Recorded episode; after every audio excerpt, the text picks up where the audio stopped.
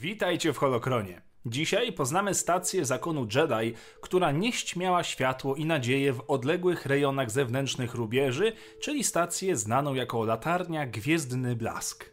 Materiał jest kanoniczny i dotyczy ery Wielkiej Republiki. Zapraszam.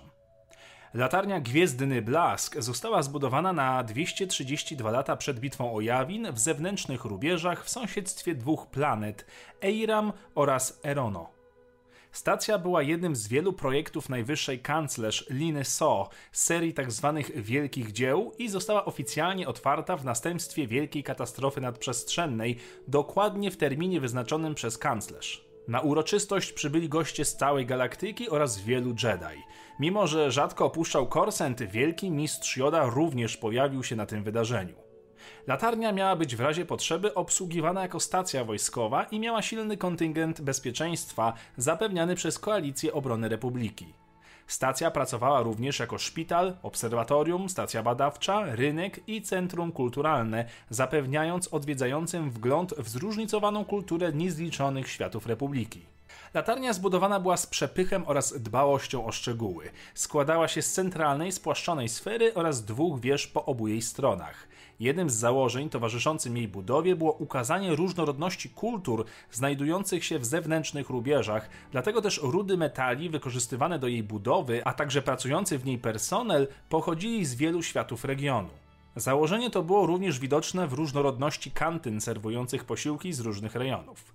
Atrakcje oraz eksponaty zgromadzone na stacji robiły wrażenie, m.in. poddźwiękowe koncerty szeptane przez mistrzów Chadra Fan, taniec oceaniczny Mon Calamari oraz moduły przedstawiające florę i faunę z planety Kashyyyk. Eksponaty te były stale aktualizowane, aby zapewnić reprezentację wielu światów.